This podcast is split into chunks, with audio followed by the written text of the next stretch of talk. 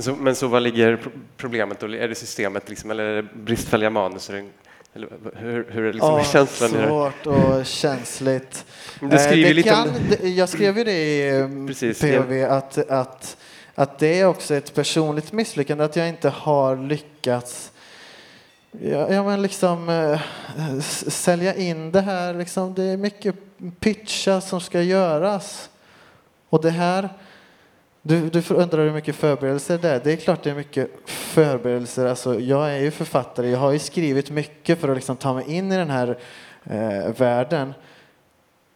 Men sen är det, det går ganska snabbt att göra. Och, och, och lite tvärt emot du, tvärt emot flugan på väggen så så händer det här på två timmar.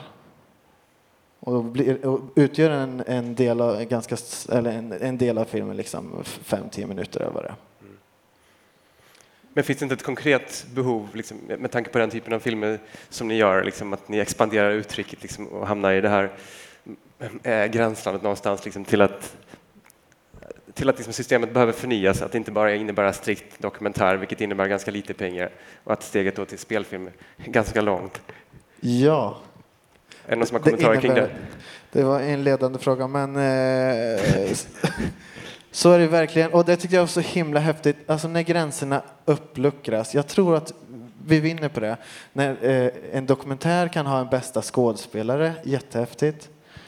Eh, Ja. Det finns ju flera exempel på det de senaste åren med dokumentärer som Precis, har... och, och äh, Säsong, en jättebra film från förra året, anmäldes till äh, Guldbaggen som både spelfilm och dokumentär. Jag satt med i juryn och då var det första gången jag sett det att äh, hur fan ska vi förhålla oss till det här? Det är både spelfilm och dokumentär. Jättespännande debatter blev det. Mm. Och, och, jag har ju känt mig ganska fri, men sen när, när Under Gottsunda kom, då frågade de från Guldbaggejuryn, vill du anmäla den som spelfilm eller dokumentär? Och jag kunde då inte säga att det var en dokumentär. Eh, stor del är dokumentär, men den här eh, pappan och dottern, de är liksom inte pappan och pappa och dotter och de, så de spelar ju några andra om själva, så då hade det varit som att jag lämnade ut dem. Men om jag slapp välja så hade jag sluppit välja. Eller inte valt? Carl? Nej, men jag tänker att den, det, det, blir också en följd när dokumentären eh, Eh, både experimenterar mer med formen och eh, också blir dyrare. Alltså det finns ju, när det liknar mer spelfilmsinspelning så blir det också dyrare. Det är inte riktigt samma produktionsapparat som det varit tidigare. Eh, och det är klart att där finns ett behov av att bredda liksom, finansieringen och kanske inte titta så strikt på är det dokumentärfilm eller är det spelfilm? Och jag vet, det finns ju också dokumentärfilmer som liksom som går mer mot hybrid och, och, så fort de kan söka pengar hos spelfilm så, så väldigt lite pengar hos en spelfilmskonsulent blir ju väldigt mycket pengar utifrån ett dokumentärfilmsperspektiv. Så att, eh, det, jag tänker att det finns ett behov av att titta på de gränserna för att när, när vi luckrar dem så måste också systemet följa med. Tänker jag. Mm. Eh, jag tänkte vi skulle släppa in publiken också. Eh, jag tänkte bara kort berätta också, som Viktor var inne på, att tre av våra eh, panelister idag har också skrivit filmdagbok i eh, tidskriften Point of View på povfilm.se. Så vill ni fördjupa sig i deras process kring det vi pratat om ikväll, gå in där och läs deras filmdagböcker. Alltså Viktors, Mikels och eh, Karls. Har vi frågor i publiken? bara.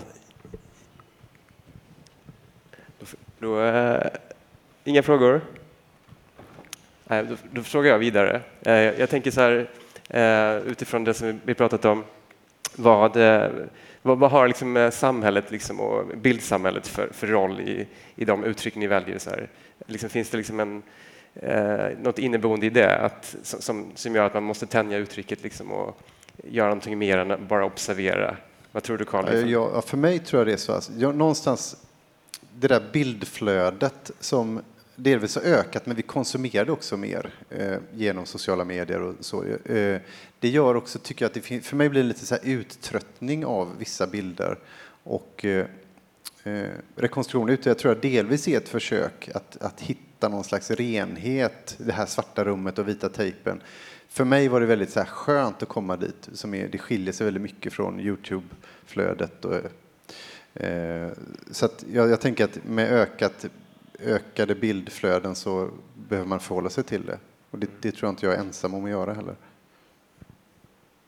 Så den avskalningen liksom kommer delvis ur det här liksom Ja, flödet, absolut. så- ja. absolut. Och, men sen behöver det kanske inte bli avskalning, men jag tror man behöver förhålla sig till det och jag tror att det påverkar oss.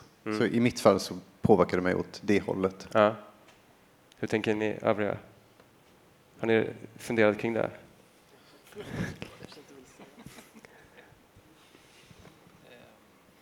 Alltså jag, jag, tänker, jag vet inte hur mycket jag har funderat över egentligen omkring hur samhällets bildflöde påverkar mitt filmspråk. Men, men, men det jag tänker väldigt mycket på, som också i förhållande till systemet och pengar och så här, det, det är ju att det att ibland så blir det nästan som att dokumentär blir sett som en genre. Dokument, vad är det för en genre? Det är väl inte en genre? Eller, det är väl inte så här, det kan ju vara både drama och thriller eller det kan vara, men, men, men det blir ofta så här ihopklumpat till att det är en genre och sen har vi fiktion och där kan det vara komedi och där kan det vara drama och thriller och action och, och det är ju jätte, jättekonstig uppdelning. Ifall man liksom mer tänker på film som film och den här historien den, den behöver kanske den här budgeten för att kunna bli sin, förverkliga sin kärna medan den här filmen den behöver en jättestor budget för att vara eh, sann mot sin kärna. Att det liksom är mer där jag tänker att, att det finns ett problem att man att, man, att det kan vara en sån slags diskussion som blir väldigt låst, att man, som är väldigt konstig också. För det är inte så det är. Ehm, och, och så är det ju om man tittar fortfarande på liksom en helt... Eh, man bara stoppar folk på gatan som inte är så här filmentusiaster som går på filmfestivaler. Så deras idéer om vad en dokumentär är, är ju fortfarande ganska föråldrad. Alltså det är typ om en savann i Afrika eller så är det något om andra världskriget. Eller, alltså det är ju också jätte, jätte, jättekonstigt att det är så det ska vara. Och sen så finns det ju en, inom dokumentären en, en, en tradition för något mer personligt också. Och det tänker jag att liksom om man det är ju inte heller en genre att det är personligt, men det är ett sätt att arbeta på som man ju såklart kan göra lika väl i fiktion som i dokumentär. Jag, inte, det, det finns, jag tycker det är många olika spår som ju inte bara handlar om budget, eller så, men, det är liksom, men som ändå handlar om någon konstig förlegad syn. Plus att de första filmerna, vadå? Det var ju liksom tåg som kom in. Det var, var, ju, var ju dokumentära tåg. Liksom.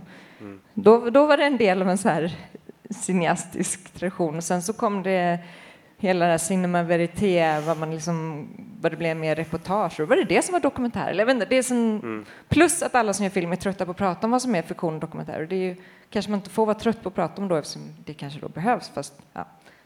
Men på ett, estetiskt plan, på ett estetiskt plan kan du känna liksom att du får mer frihet i fiktionen? Jag menar, redan, redan din förra film var väldigt vacker.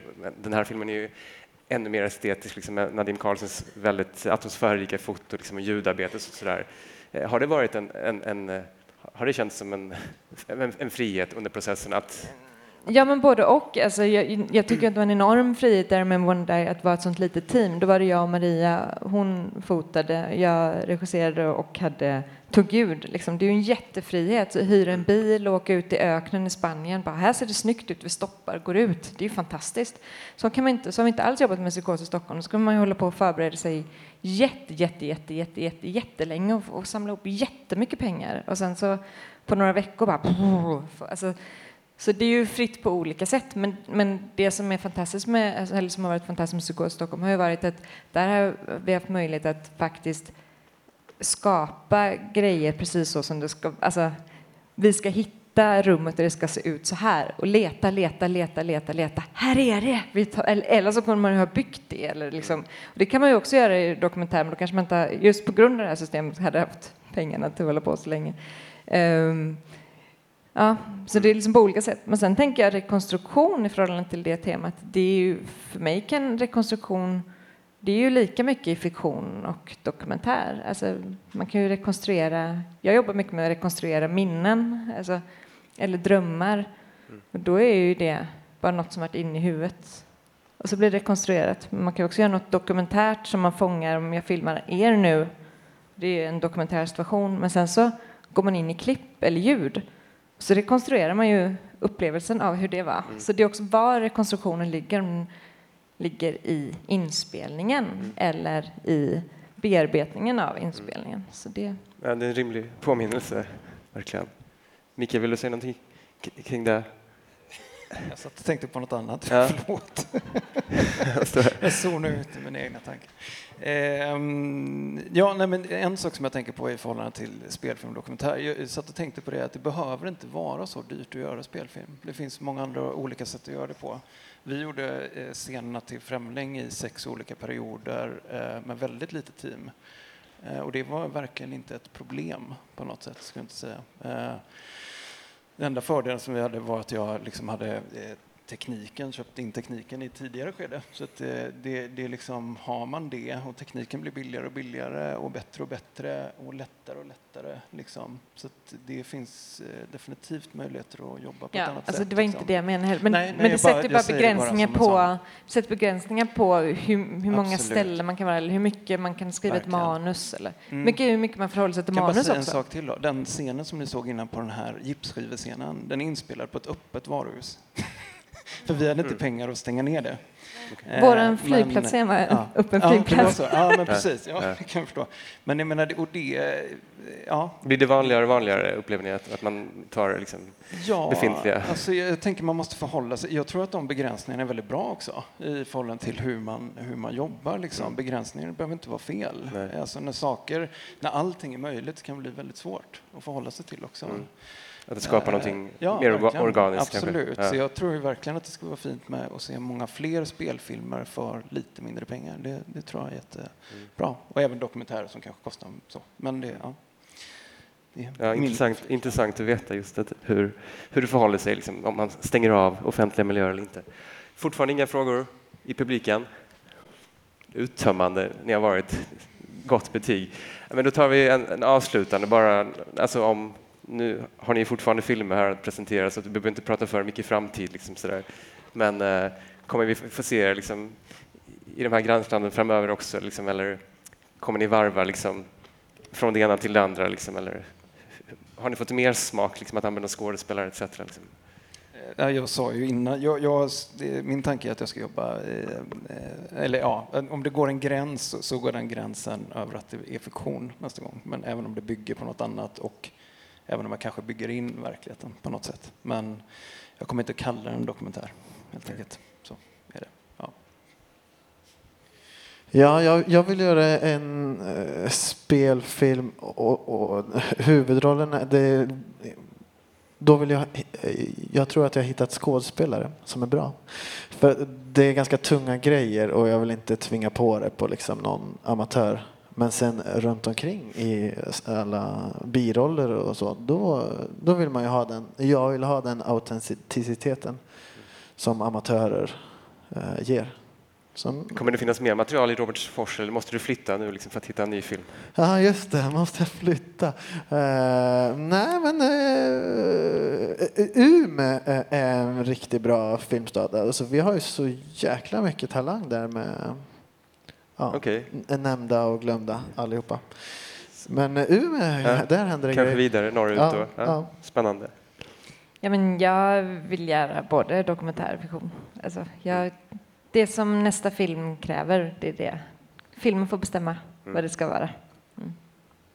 Eh, Ja, ja, men jag kör båda två också faktiskt. Eh, Både dokumentärt och, men och så håller jag på med en grej när man jag jobbar dokumentärt i research, alltså ungefär som vanligt. Fast jag, samtidigt skriver jag på en, en skriven variant av det också.